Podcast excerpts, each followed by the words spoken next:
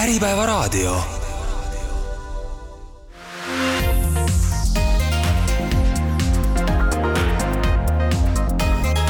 Trinity eetris. tere, head kuulajad, mina olen saatejuht Gregor Alaküla ja tänases Trinity eetris saates kuulete meenutusi kahest käesoleva aasta juulis ja maikuus eetris olnud saatest esimeses saatepooles kuulete vestlust, mis keskendub küsimusele, kas ja kuidas on väikeaktsionäril võimalik kohtu kaudu nõuda dividendide väljamaksmist ja milline on Riigikohtu praktika sel teemal. teemat avavad Trinity advokaat Martin Järve ja Trinity partner Erki Vabamets saate teises pooles kuulete aga vestlust, mis keskendub eurotoetuste väärkasutusele ja soodustuskelmustele. ja juttu tuleb sellest, kuidas Euroopa prokuratuur uurib kuritegusid, mis pannakse toime Euroopa Liidu maksumaksjate rahaga räägitakse sellest, kas ka heauskne eurotoetuse taotleja võib kriminaalmenetluses kahtlustatavaks sattuda ja mida siis selle vältimiseks ette võtta. Neid teemasid avavad Eestist nimetatud Euroopa prokurör Kristel Siit-Tamnieri ja Trinity vandeadvokaat Risto Käbi. head kuulamist! mainisin sissejuhatuses, et äh, Äripäeva veergudel on väikeaktsionäride vaidlustest palju kirjutatud, aga kas ka teie praktikas hakkab silma, et selliseid dividendi jaotamise vaidlusi on palju? Absoluutselt, et äh, sisuliselt kõik ju need äritülid taanduvad lõpuks äh, sellele, et kõik tahavad ju ärist äh, raha saada. et tuleb see siis nii-öelda väljaostmise mõttes ehk kapitali kasvu pealt või, või on just rahavoo teema ehk dividendid et noh, praktikas see dividend on oluline ka seetõttu, et noh, niisama on ju ka tore ärist raha saada, aga kui just on sellised osanike aktsionäride vaidlused, siis, siis sageli see dividend on selline survevahend, mida, mida vaidlustes kasutatakse, et kahtlemata väga, väga akuutne kas seadus piiritleb ka nii-öelda vähemus- ja väikeaktsionäride õigusi erinevalt, et kas inimesel on nüüd kolmteist või nelikümmend üheksa protsendiline osalus? noh, otseselt sellist nagu piiri ei ole, et kust hakkab pihta vähemusosanik ja kust hakkab pihta enamusosanik, aga noh, ütleme niimoodi, et äh, enamus osanikuks saab nimetada seda, et kellel on piisav kogus hääli, et, et endale meelepärased otsused vastu võtta. ja vähemuse mõttes siis noh, võiks öelda, et vähemus on nelikümmend üheksa protsenti, on ju, et, et alla poole, aga seadus teatud niimoodi võimalustel, et kas millal saab otsuste vastuvõtmist takistada, näiteks põhikirja muutmist, erikontrollid, teabeõigus, kõik õiguskaitsevahendid, et seal näeb seadus ette nagu eripiirid, et kas on see kümme protsenti või, või üks kolmandik, et aga noh, suures plaanis on ikkagi vana hea viiskümmend üks, nelikümmend üheksa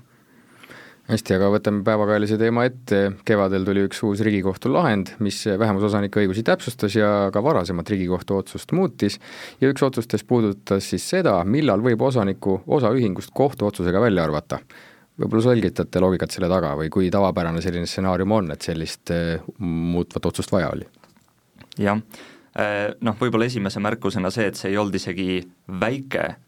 osanike või väikeaktsionäride õigusi puudutav lahend, vaid isegi äh, nii-öelda enamus, enamus äh, osanike õigusi puudutav lahend, sest see väljaarvamise regulatsioon, see on tegelikult enamuse nii-öelda õiguskaitsevahend vähemuse vastu. Ja kui me räägime sellest, et kui tavapärane on, siis see on väga-väga-väga erandlik ja ilmselt paljud äh, nii-öelda äris äh, tegutsevad äh, inimesed üldse ei teagi, et selline võimalus olemas on, sest noh, juba põhiseaduses kõik teavad, et omand on puutumatu ja kellegilt ei saa nii-öelda jõuga tema omandit, olgu need siis osad või aktsiad, ära võtta. Ja seetõttu see selline osaniku väljaarvamise regulatsioon väga väga erandlik on. Ja selle teema puhul ka nagu praktikas seda, seda kohtupraktikat ja kasutust oli, oli väga vähe. Ilmselt ka natuke seetõttu, et, et seda praktikat äh, vähe oli, aga nüüd siis Riigikohus äh, tegi selle värske lahendi, kus siis seda teemat üsna, üsna põhjalikult äh, selgitati ja avati et kui võib-olla seal nendest äh, asjaoludest rääkida, et miks see asi üldse kohtusse jõudis, siis noh, jälle meie seal kumbagi poolt ei, ei esita ja teame asjaolusid nii palju, kui kui seal põgusalt Riigikohtu lahendis oli välja toodud, aga noh, sisuliselt äh, sisuliselt sooviti seal äh, panna, panna üks tootmine püsti ja, ja üks osanik ja juhatuse liige väidetavalt võõrandas selle, võõranda, võõrandas selle siis endaga seotud äridesse. muidugi, see teema on palju, palju keerulisem ja ja seal neid, et kas seda võis teha, miks mitte, kas üldse oli nii, noh, keeruline vaidlus. ma ütlen vahele, et mis veel võib-olla advokaatide jaoks teeb selle loo põnevaks, on see, et see oli tuntud advokaatide kõrvaläri.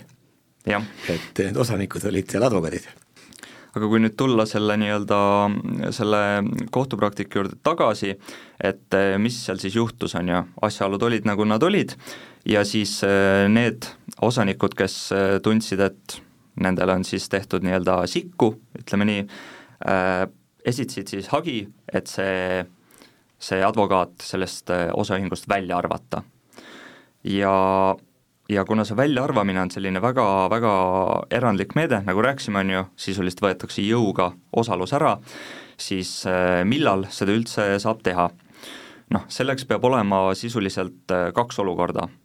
üks, kui siis see osanik äh, rikub väga oluliselt oma mingisuguseid kohustusi. no osanikel väga selliseid palju spetsiifilisi kohustusi ei ole, aga noh, üldiselt on kohtupraktikas välja kujunenud, et lojaalne peab olema osaühingule, laskma osaühingul äh, nii-öelda noh, ei tohi osaühingu ärivõimalusi ära võtta, äh, selline advokaatide, advokaatide fraas heausu põhimõte, ja mitte igasugune rikkumine ei anna õigust siis osanikku äh, välja arvata, on ju, et noh, toome sellise võib-olla natuke imeliku näite, et et ei anna ühel koosolekul poolthäält, et äh, võtta majandusaasta aruanne vastu, on ju, et see ei ole see. Äh, see peab olema mingi selline rikkumine, et oluline, oluline mõju on sellele osaühingule ja noh, kui väga nagu maakeeli kokku võtta, siis kui nii-öelda kaaluda kõiki neid huvisid, siis osaühingu poolt on nagu vastuvõtmatu, et see osanik seal äris jätkab ja noh, üldse ei pea olema tegemist olukorraga, kus äh, näiteks noh, on tehtud mingi halbu tehinguid ja tekkinud kahju, et see võib olla ka selline nagu ilma kahju tekkimiseta mingisugune negatiivne mõju, et ongi pannud äh, ühingu nagu kehva olukorda, kas noh, võime isegi kas või nagu mainekahju näite siin tuua, et kuigi seda nagu praktikas veel pole läbi käinud, aga noh, ta on selline üsna nagu elu poolt jäetud sisustada, aga noh, äh, siin kaoses oli nagu need etteheited olid, noh, tegid selle nagu üsna üsna, üsna rängad etteheited, jah. üsna rängad etteheited, et noh, kui sa ikkagi väidetavalt äh, paned, paned ärituuri. paned ärituuri, et siis äh, noh, meil ei ole vaja nagu liiga pa-, noh muidugi kohtus võidab see, kes suudab ära tõendada, on ju, aga ei ole nagu liiga palju diskuteerida, et kas see ikkagi oli oluline rikkumine või mitte. ja leitigi, et äh, jah see on piisav, et seda osanikku välja arvata. nüüd see oli see üks pool sellest lahendist, teine on selline nagu praktiline osa ja kus see nagu praktika muutus ka tuli, oli see, et äh, samamoodi lähme juba põhiseaduse juurde tagasi, et omandit ei tohi jõuga ära võtta ja kui see jõuga ära võetakse, siis sa pead saama õiglase hüvitise eks see oli küsimus sellest, eks ju, et äh, kui nüüd äh, sind välja arvatakse osanike ringist, palju sa raha saad enda osa eest? palju sa raha saad? sest ega seda tasuta ära ei võeta, on ju. absoluutselt. mina lugesin just, et tuleb siis saada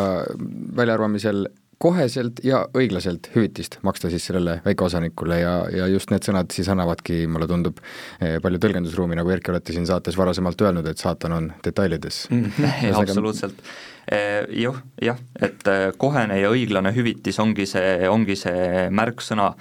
ja, ja kui varasemalt oli see praktika Riigikohtul see, et noh, tegelikult äh, see hüvitise summa, selle suurus, mida see väike, väike osanik siis saab, kui talt osa ära võetakse, et see ei olegi niivõrd oluline. nüüd siis Riigikohus oma praktikat äh, muutis ja, ja noh, isegi advokaatide seas on see, on see praktika nagu noh, noh, ütleme nii, et selle, selle osas saab väga-väga palju diskuteerida ja, ja vaielda, aga mida siis Riigikohus ütles? riigikohus ütles seda,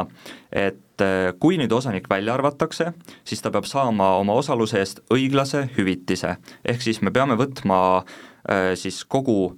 ettevõtte nii-öelda turuväärtuse, kõigepealt peame leidma selle. Äh,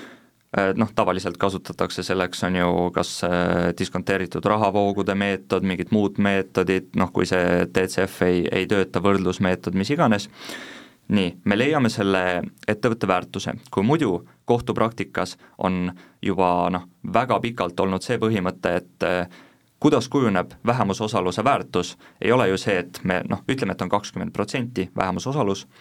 me ei võta ju nii, et kui sada on nii palju, siis kakskümmend on nii palju, vaid kohtupraktika on väga kakskümmend on üks viiendik sellest, et ei ole, et sealt tuleb vaadata et sellist äh, mehaanilist tehet äh, teha ei saa. et sealt tuleb, sealt tuleb vaadata, millise otsustusõiguse, millise otsustusõiguse see osalus sulle annab. võib olla nii ju ka, et nelikümmend üheksa, et viiskümmend üks protsenti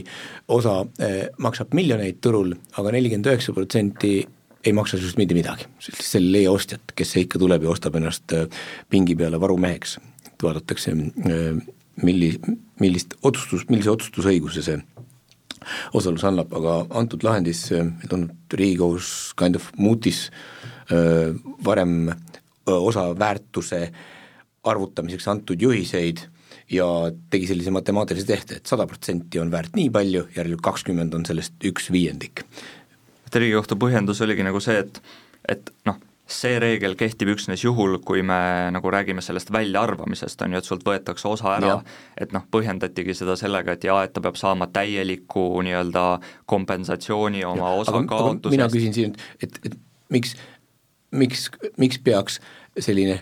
ja nüüd ma olen hästi vaba keelekasutuses ja ma ei anna hinnangut siin selle kohtuvaidluse öö, osapooltele üldse,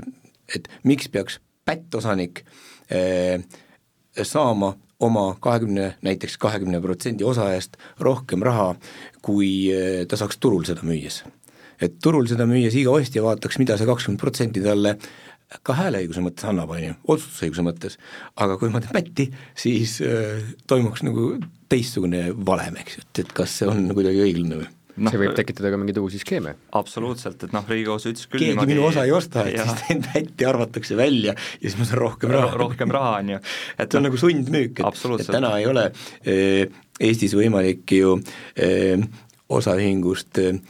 välja astuda nii, et äh, näiteks ühing või teised peavad minu osa minult ära ostma, eks, et ma olen nagu seotud ühinguga. ma pean leidma oma osale ostja väljaspoolt, aga siis tekib põhimõtteliselt selline nagu võib jah, me läheme muidugi utoopia valdkonda, oleks võimalik sellist jah, skeemi kasutada, et kuidas ma saan ühingust välja, ma oma osale ostjat ei leia turu pealt, teen pätti, nii hullu pätti, et tekib alus minu väljaarvamiseks, siis tekib kohe olukord, kus osaühing peab mulle minu osa eest raha maksma, on ju, siis ma saan rohkem raha. jah, et äh, Riigikohus nagu niimoodi üsna aateliselt ütles, et jah, et see nagu äh, hüvitis ei tohi olla karistuslik, aga noh, teistpidi et ikkagi turuhind peaks olema ja. päeva lõpuks see, et kui me lihtsalt võtame noh, sellise, toome lihtsalt väga elulise näite, on ju, et noh, ütleme, et äh, sada protsenti osade väärtus on äh, miljon ja kui näiteks hinnatakse, et äh, noh, nii-öelda tavaturu tingimustes, et palju see kakskümmend protsenti väärt on, tehakse seal vähemusosaluse allahindlused, on ju, hinnatakse kõiki asju, võib täiesti vabalt olla, et, et see kahekümne protsendi väärtus on näiteks sada tuhat, on ju, aga nüüd, kui panna see Selle sellesse järgi, valemisse, on ju -hmm. siis ta oleks justkui nagu kakssada tuhat hoopis, et äh, tekib selline kas kokkuvõtlikult ma saan õigesti aru, et kuigi kogu see lahend ette võttes Riigikohus püüdis algselt olla enamusaktsionäride poolel, et äh, saab nii-öelda siis, nagu Erki mainis, pättosaniku välja arvata, siis talle õiglaselt hüvitist makstes matemaatilisel meetodil, siis võetakse justkui väikeosaniku poole, et, et lähed ära, aga saad nii-öelda õiglase hüvitise et ega ei tea, kas, ähm, kas see oli tööõnnetus,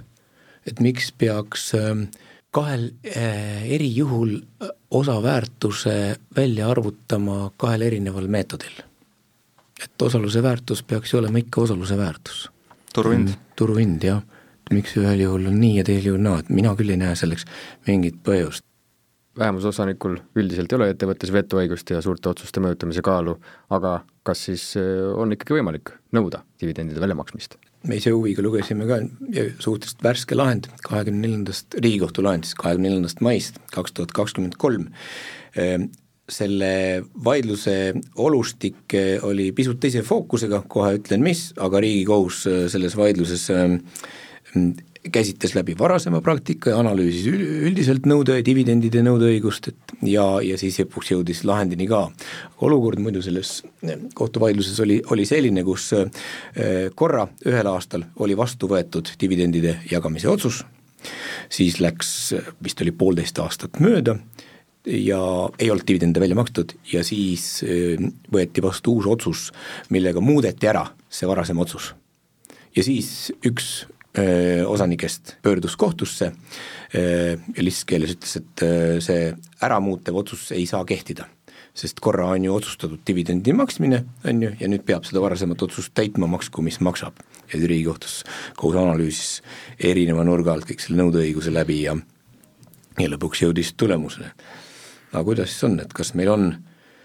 Põh, põhimõtteliselt või siis otsus või see vaidlus tulla sellest, et majanduskeskkond halvenes ja jah, täpselt, põhimõtteliselt nii oligi, äril hakkas minema kehvemini ja mida seal väidetigi, oligi see, et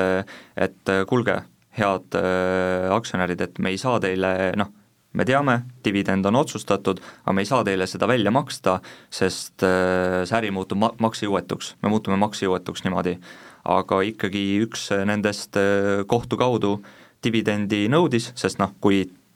nii-öelda üldreegli järgi, kui on otsustatud dividendi maksta, siis on õigus pöörduda kohtu poole, kui seda vabatahtlikult ei tehta, ja öelda, et otsustatud, palun makske välja. ja kui siin, otsus on tehtud, polegi midagi teha. ütleme, juriidiliselt on nii, et dividendide äh, maksmise, kasumi jaotamise otsus on selle nimi, eks ju. kasumi jaotamise otsusega tekib poolte vahel võlasuhe kahe, kahe poole vahel, üks on siis see ühing ja teine on siis osanikud või aktsionärid, eks. ja selle võlasuhte täitmist saab nõuda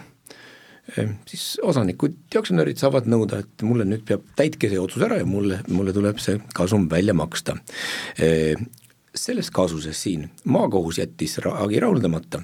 ringkonnakohus rahuldas selle eh, osaniku eh, hagi, kes kohtusse pöördus ja ütles, et makske välja. et makske välja ja viivised sealhulgas, eks ju Äh, ah, sellest võime ka veel rääkida, millal see nõue muutub sissenõutavaks, et nagu millal hakkame viivist arvestama, on ju. ja siis Riigikohus tühistas ringkonnakohtu lahendi ja ütles, nii ei saa. ja siis Riigikohus selgitaski, hakkas sealt pihta, et, et milliste poolte vahel ja milline võlasuhe tekib kõigepealt selle kasumi jaotamise otsusega, siis ütles, et see osanike otsus on kehtiv, seda ei saa niisama ära muuta Ehm, eh, seda saab ära muuta ühehäälse otsusega tulevikus, kui kõik on poolt. Ja siis veel lisas siia õigusteooriat, et kas see on äramuutev otsus või see on nõudest loobumise otsus, aga ärme sinna lähe, see läheb liiga keeruliseks, pole vahet, on ju, nagu potato potato tulemus on sama. et ühesõnaga, mõte on see, et, et ei saa osanikud tulevikus eh, siis enamushäältega eh, otsust ümber vaadata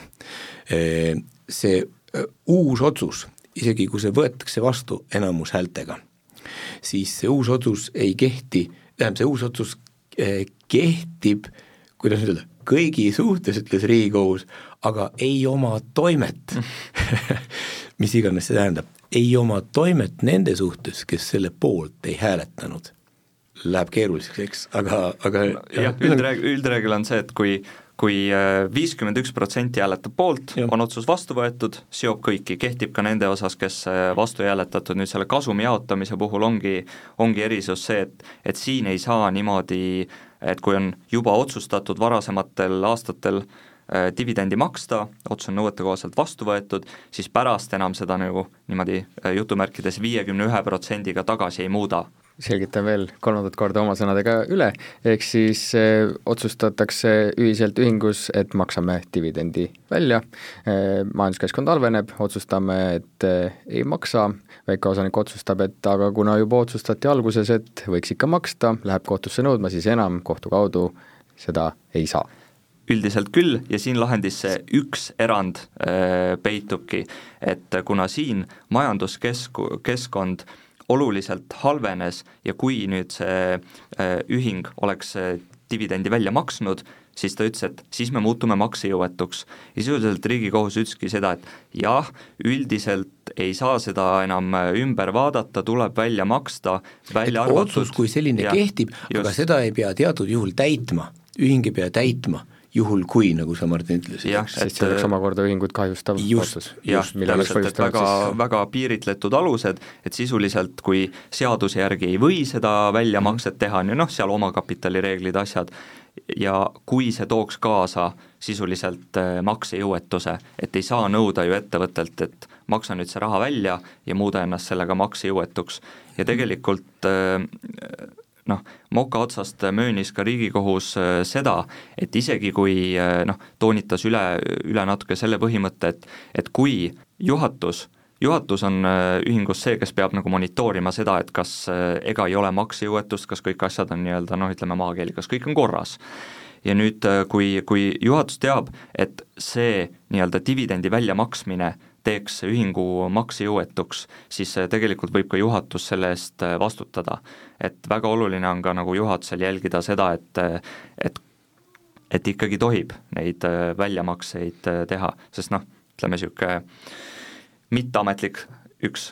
peamisi kohustusi on ju see, et tegelikult ära juhatus, tee väljamakseid, kui, kui tegelikult ei tohi. et ega juhatus, jah, täpselt, juhatus läheb täitma Äh, dividendide väljamaksmise otsust logib internetipanka, on ülekannet, läheb tegema olukorras, kus tegelikult äh, ühingul ei ole piisavalt likviidseid vahendeid. Ja pärast läheb see ühing näiteks pankrotti, siis võlausaldajad teoorias saavad esitada tema vastu ju kahjunõude, miks sa tegid nii, eks. Äh, aga mis puudutab seda kontseptsiooni sellist, et kui on korra võetud vastu kasumi jaotamise otsus, selline, siis see otsus on kehtiv, seda ei saa enamushäältega enam ära muuta, aga küll saab ühing teatud juhtudel esitada ikkagi vastuväite ja keelduda väljamakse tegemisest, eks ju. ja selleks ehm, siis keeldumise mm, õigustuseks on ühingu mitte piisavalt hea varaline seis, eks. et see põhimõte tuleb sellisest üldisest heausu põhimõttest, et ehm, seadus ütleb lihtsustatult umbes nii, et, et ei kokkulepet ega ka seda, mis on seadusesse kirja pandud, eh, ei pea täitma, kui eh, see on hea usu põhimõttest tulenevalt eh, vastuvõetamatu. et antud juhul võib tuua paralleeli, et sama selline päästerõngas, et, et jah, meil on olemas küll kehtiv kokkulepe, seda peab täitma, aga antud juhul on mingi eriline olukord, mille pärast ei, ei saa nõuda täitmist aga võib-olla üks äh, punkt siit lahendist veel, mis nagu äh, võib-olla nagu selle väike väike osaniku aktsionäri nagu elu natuke parandab, kas ta praktikas parandab, sest praegu on jäänud juba... mulje, et jäme ots on lõppude lõpuks ikkagi enamus osaniku käes. eks ta ongi ju ikka. noh, et lõpuks on niikuinii, on ju, aga nagu rääkisime siis, et kui on see nii-öelda maksejõuetuse oht just tol ajal ja ühing saabki öelda, et äh, ma ei pea teile dividendi või noh, ma ei saa teile dividendi välja maksta siis, äh, siis Riigikohus ütles nagu väga sellise äh, olulise disclaimer'i, et äh, kui on selline olukord, et on läinud kehvasti ja noh, ütleme kaks tuhat kaheksateist ei saanudki seda dividendi välja maksta, sest noh, oht oli muutuda maksejõuetuks, siis see võib olla ajutine, et kui pärast läheb jälle hästi, ei ole enam seda vastuväidet, et siis ei saa enam äh, ühing öelda, et nojah, et äh, siis, kui me tahtsime välja maksta, noh siis meil oli õigus keelduda, et noh, nüüd enam ei saa. et kui pärast läheb hästi, noh ütleme, ma-, bilanss lubab, siis tuleb, kehtiv, tuleb välja maksta. täita, aga siin saatejuht äh, ütles minu hinnangul väga õigesti, et jäme ots on nii ehk nii enamus osaniku käes, kes eh, nimetab juhatuse ja raamatupidamises on ju võimalik ühe kandega pilt muuta hoopis teistsuguseks. Ja jah, ühing pärast peab, kõigepealt on olukord, läheb sammu tagasi, et eh, tahan näiteks kiusata väikeosanikku, kellel on võib-olla ka raha rohkem vaja kui suurel osanikul, sest tema saab nii-öelda elada ühingu rahast näiteks, nimetame nii, siis ta lihtsalt ei maksa dividendi välja, kui vahepeal on tülli mindud. ja mida, mis siis üle jääb, siis peab ju see väike osanik kohtu poole pöörduma. jah, suurosanik või siis ühing, vabandust, aga seda kontrollib suurosanik, eh, peab kohtuvaidluses äh, äh, et tõendama neid asjaolusid, antud juhul siis seda, et oleks tekkinud väljamaksega ühingule siis ühingu finantsseisule oht, aga noh, küll ta selle võib-olla ära tõendab, jälle, sest raamatupidamine on ju tema kontrolli all. Ja, ja lõpuks lihtsalt see väikeosanik sel teel, teel väsib ära, noh. Ütlen veel juurde, ja tema ei saa seda vaidlust finantseerida ka, ka ühingu vahenditest, mis tihti juhtub, et ju see suur osanik finantseerib seda vaidlust väikeosaniku vastu ühingu vahenditest sealt see nagu täiendav ebavõrdsus äh, veel, veel, veel tuleb, on ju. Võib-olla Maksuamet sellega sada protsenti nõus ei ole, aga praktikas väga sageli nii on. esimeses saatepooles kuulsite meenutust käesoleva aasta juulis eetris olnud saatest, milles Trinity advokaadibüroo advokaat Martin Järve ja Trinity partner Erkki Vabamets rääkisid sellest, kas väikeaktsionäril on võimalik kohtu kaudu nõuda dividendide väljamaksmist ja milline on hiljutine Riigikohtu praktika sel teemal. nüüd aga kuulete vestlust, mis räägib eurotoetustega seotud kelmustest. juttu tuleb sellest, kuidas Euroopa prokuratuur uurib kuritegusid, mis pannakse toime Euroopa Liidu maksumaksjate rahaga ja arutletakse selle üle, kas ka heauskne eurotoetuse taotleja võib kriminaalmenetluses kahtlustatavaks sattuda ja mida selle vältimiseks ette võtta. Neid teemasid avavad Eestist nimetatud Euroopa prokurör Kristel Siit-Tamnieri ja Trinity vandeadvokaat Risto Käbi, head kuulamist! seda, milliseid asju Euroopa prokuratuur täpselt uurib, selle juurde tuleks hiljem tagasi, aga üks neist on kindlasti seotud eurotoetustega ja nendega seotud skeemid. Risto, tulemegi saate peateemale lähemale, millised on need peamised kelmused, pettused ja kuritööd seoses eurotoetustega? ma kõigepealt alustaksin sellest, et et meil on, minu nagu tähelepanekute kohaselt on see soodustuskelmus selline kuritegu, millega, mille otsa võib sattuda ka täiesti selline tavaline ettevõtja, kellel tegelikult tema tegevuses ei ole mingit pistmist nagu ideega rikkuda õigust ja, ja saada sellest nii-öelda teenida oma kasum selle arvelt. ehk et keegi, keda võib-olla me oleme teadnud aastaid ja siis ühel hetkel äh, selgub, et tal on, et ta on sattunud siia, siia mm, selle soodustuskelmuse kahtlustuse äh, nagu osaliseks. et, et seetõttu, äh, kui Äh, kuulaja küsib, et et mis on minul äh, kuritegevusega pistmist, miks ma peaksin pöörama tähelepanu, siis eurotoetustega on noh, elu näidanud, et on on, on sinna probleemidesse sattunud ka täiesti, täiesti tavalised ettevõtjad. aga üldiselt on äh, soodustuskelmuse puhul karistatavuse eeldused äh, sellised, et äh, pettuse teel saadakse mingisugune soodustus või siis kasutatakse äh, seda toetust viisil, nagu see ei olnud ette nähtud kui seal on mingisugune otstarve, siis äh, see saadakse mingisugune kas täielikult või osaliselt äh, tasuta väljamakse või, või maksusoodustus. Äh, see tehakse majandustegevuses osalevale isikule avalikest vahenditest, mille hulka on siis, kuuluvad ka Euroopa Liidu vahendid, ja siis eesmärgiga soodustada majandustegevust kuna siin juba nende tingimuste juures on kaks korda mainitud sõna majandustegevus, siis on selge, et see on väga-väga tihedalt seotud ette, ettevõtlusega, äh, see, see kuritegu. mõistete koha pealt äh, ma saan aru, et äh, pettus on selline rahvakeelne väljend, aga kelmus on konkreetne juriidiline termin, on mingeid erinevusi veel?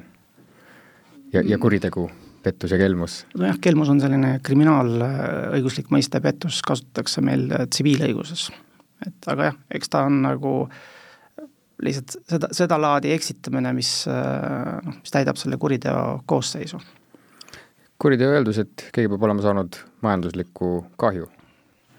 hästi mm, mainitud, et Euroopa prokuratuuri käimasolevatest menetlustest me rääkida ei saa, aga võib-olla tagasivaatavalt, et milliseid asju Eestis on menetletud seoses Euroopa Liidu eh, raha väärkasutusega, saab äkki mõne õppetunni kaasa võtta, mida need on siis puudutatud, need näited, mis te tõite? No kohtupraktikas torkab silma, et eks need on väga erinevates valdkondades, kus, kus need eurotoetused liiguvad, loomulikult põllumajanduses on äh, hulgaliselt juhtumeid, kus äh, noh, mingisuguseid pindalatoetusi või mingeid investeeringutoetusi kuritarvitatakse mingisugusel moel. siis äh, energeetikas on olnud suuri asju ja seal noh, need mastaabid on suured, et need toetuste summad on ka siis äh, nagu märkimisväärsed miljonites. Ja mingisugustes turismiobjektide rajamisel on, on, on siis, on siis ka neid asju, asju läbi jooksnud ja nii-öelda mida siis äh, põhiliselt nagu äh, probleemina nähakse, on see, et äh, üritatakse siis kas saada toetust sellisel sellistel asjaoludel, kus tegelikult seda toetust ei ole ette nähtud, et luuakse kunstlikult mingi olukord. no näiteks ütleme, et on äh, mingi suur, suur ette, suurem ettevõtmine ja Euroopa Liit on otsustanud, et suur et-, suurettevõtjat ei toeta, toetab väikeettevõtjaid, siis saab kuidagi tükeldada seda mm, projekti ja muuta ta nagu abikõlbulikuks. või siis teine variant on, et noh, üritatakse, tihtipeale nendes projektides on omaosaluse nõue ja üritatakse sellest nagu mingil moel noh, seal on erinevaid viise, kuidas saab katsetada, et sellest, sellest nagu mööda minna, need on olnud probleemid, ma ei tea, ilmselt, ilmselt neid on veelgi. Kristel, soovite täiendada? jaa, aitäh ja ma hea meelega täiendaksin eelkõnelejat ka, et, ähm, et äh, kui tõepoolest äh, soodustuskelmused on siis tõesti üks kuriteoliik, millega Euroopa prokuratuur tegeleb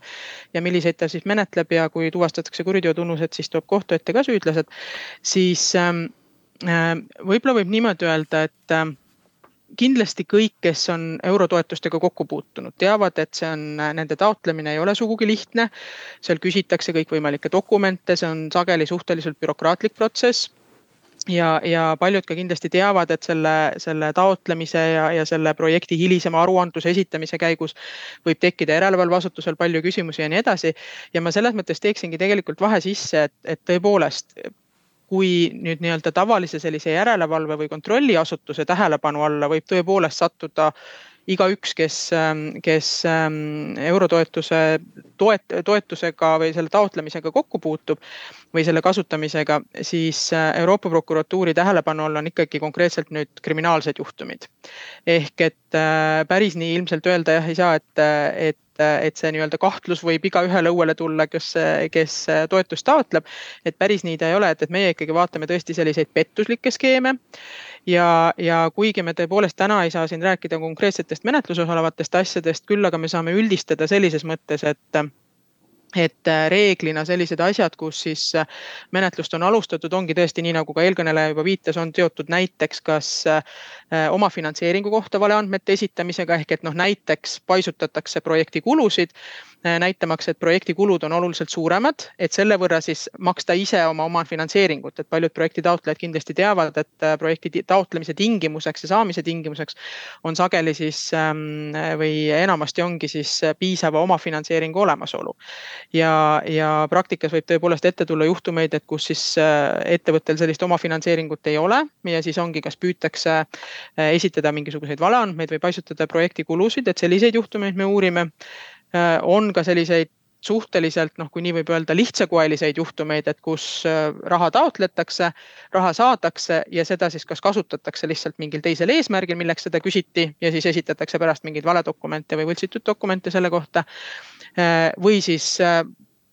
lihtsalt piltlikult öeldes varastatakse raha ära ja projekt jäetakse üldse tegemata ja näiteks oligi algusest peale selline plaan, et ka selliseid juhtumeid on.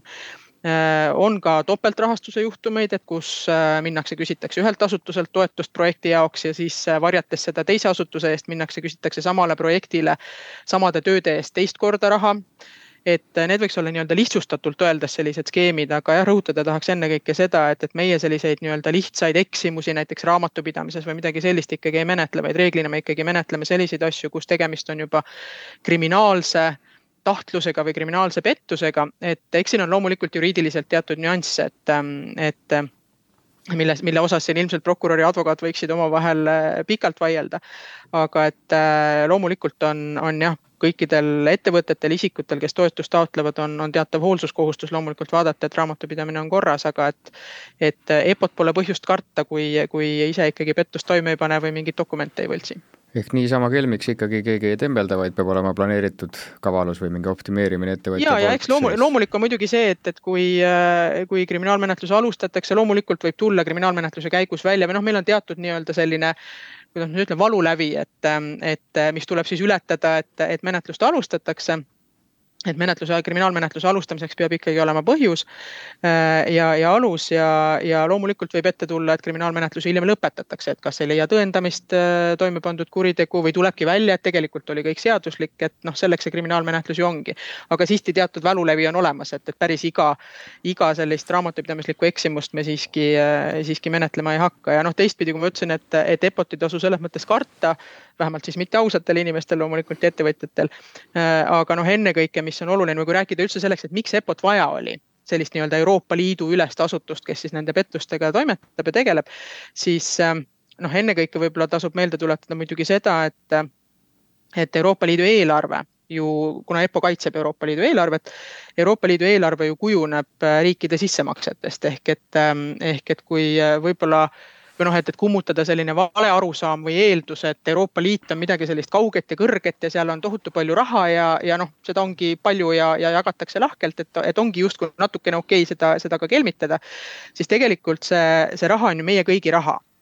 ja, ja sellepärast äh, on äh, Euroopa Liidu vahendite sihipärane kasutamine ka meie kõigi ühine huvi ja meie kõigi ühine asi. nii et selles mõttes äh,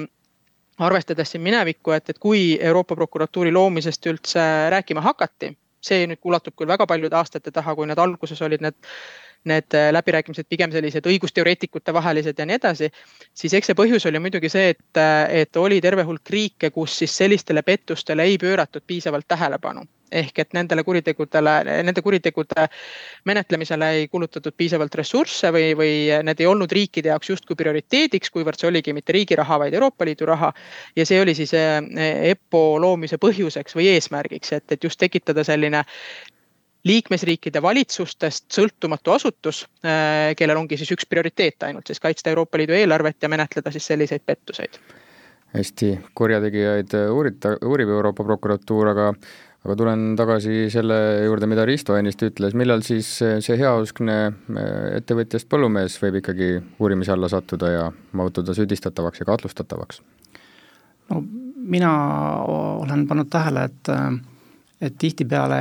ikkagi on, on üks võimalus, kuidas selle kriminaalmenetluseni jõutakse, see, et, et kõigepealt tegeleb selle projektiga äh, siis nagu rahajagaja, raha jagav asutus ja kontrollitakse ja otsi-, saad, soovitakse vastuseid ja seal tekib mingisugune kahtlus. ja kui see kahtlus ei saa kummutatud, siis on täitsa võimalik, et see, et nad suunavad selle siis kriminaalmenetlusse, teevad selle kohta avalduse. sest noh, nende võimalused seda uurida, noh kriminaalmenetluse võimalused lihtsalt neid asju uurida on, on lihtsalt nii palju suuremad kui nendel. ja kui tegemist on kohaliku nii-öelda kelmuse kahtlusega, et siis uurib seda kohalik prokuratuur ja kui mingi riikidevahelise, siis Euroopa prokuratuur? see on nüüd hea küsimus, et see on just see, et ma usun, et, et meil on targem teiselt äh, külaliselt seda küsida, aga meil oli ka just hiljuti oli üks, üks juhtum, kus äh, meie klient sai kahtlustuse menetlusest, mida juhib Euroopa prokuratuur ja siis ta kohe oli mures, et mis see nüüd tähendab, et kas ma pean minema kuhugi Brüsselisse või, või, või, või mis keeles üldse ja kuidas, et hästi, Kristel, see jäi ennist jah täpsustamata, et millal äh, uurib asja äh, riik, riiklik kohalik prokuratuur ja millal Euroopa prokuratuur mm? -hmm. ja hea meelega selgitan seda ähm, nagu on meil nüüd juba mitu korda siin jutuks olnud, siis EPPO pädevusse kuulub konkreetne piiritletud ring kuritegusid, need ongi siis sellised kuriteod, kus on kahju, kahju põhjustatud Euroopa Liidu eelarvele, rääkisime juba soodustuskelmustest ja teine suur ring selliseid kuritegusid on siis piiriülesed käibemaksupettused, mis on natukene võib-olla teise arutelu teema. Ehm, nüüd, kui Äh, tuvastatakse mingisugune tegu või kahtlus, et tegemist võiks olla siis sellise kuriteoga, kus mis on toime pandud Euroopa Liidu eelarve vastu, noh näiteks seesama soodustuskelmus, siis mõne eurotoetusega seonduvalt, siis ähm, sellisest kuriteost tuleb siis teada anda Euroopa prokuratuurile, ehk et kui me räägime nüüd meie enda kohalikest järelevalve või rakendusasutustest või kontrolliasutustest, et noh, näiteks siin tuntud ongi ju PRIA, äh, Keskkonnainvesteeringute Keskus, Riigi Tugiteenuste Keskus ja nii edasi. et kui nemad siis tõepoolest mingisuguse pettuse kahtluse avaldava, avastavad, siis nemad võtavad ühendust äh, Euroopa prokuratuuriga. aga loomulikult kuriteost võib teavitada kes iganes inimene ka tänavalt, et, äh, et selles mõttes pole seal väga vahet, lihtsalt et asutustele on see kohustuslik, see teavitamine. ja nüüd edasi kriminaalmenetlus toimetatakse tegelikult, oletame, et see on siis Eestis toime pandud soodustuskelmus või kahtlus selle kohta, siis seda kriminaalmenetlust toimetavad äh, meil siis kohapeal delegaatprokurörid, me nimetame neid delegaatprokurörideks ehk et EPPO ongi selline detsentraliseeritud asutus, et meil on kahekümne kahest liikmesriigist Euroopa prokurör, Eestist siis mina, kes asuvad Luksemburgis siis keskkontoris. ja kohapeal riikides toimetavad kriminaalmenetlustega nüüd vahetult juba delegaatprokurörid, mida on siis erinevates riikides erinev arv, Eestis on meil täna kolm delegaatprokuröri, kes nende asjadega toimetavad. ja nemad viivad seda menetlust nii-öelda nagu igapäevaselt läbi sisuliselt üsna samamoodi nagu Eesti menetlust viiakse läbi. Äh, ta toimub ikkagi Eesti reeglite järgi eesti keeles. Äh, nii et selles mõttes ei ole mingisugust hirmu, et, et mingis muus keeles see menetlus hakkab toimuma. põllumees ei pea äh, minema Brüsselisse? Ei pea minema ei Brüsselisse ega Luksemburgi, meie delegaatprokuröri vahe on tegelikult sisuliselt prokuröri jaoks. ehk et meie delegaatprokurörid siis peavad oma olulisemad menetlusotsused, noh näiteks kui hakkab siis asi valmis saama, et kas kohtusse minema või menetlus lõpule viima, menetlus lõpetama. kui näiteks ei tuvastata kuriteokahtlust, siis olulisemad menetlusotsused tuleb delegaatprokuröridel kooskõlastada siis Luksemburgi keskasutusega. et see on siis nii-öelda töö erinevus siis äh, võrreldes, ähm, võrreldes siseriiklike menetlustega. aga kui nüüd asi näiteks saadetakse, et kui rääkidagi näiteks ühe asja liikumisest, nüüd kriminaalasja liikumisest, et kui kriminaalmenetlus viiakse lõpuni, äh, oletame, et seal tuvastatakse siis tõsine kahtlus. Äh, prokurör, delegaatprokurör kohapeal seda menetlust toimetades leiab, et näiteks seal Eestis, et, et asi tuleb saata kohtusse, et tõendid on piisavad piisavad, selleks saab esitada süüdistuse, siis see asi saadetaksegi tegelikult Eesti kohtusse. nii et seda kriminaalmenetlust arutab ikkagi Eesti kohus.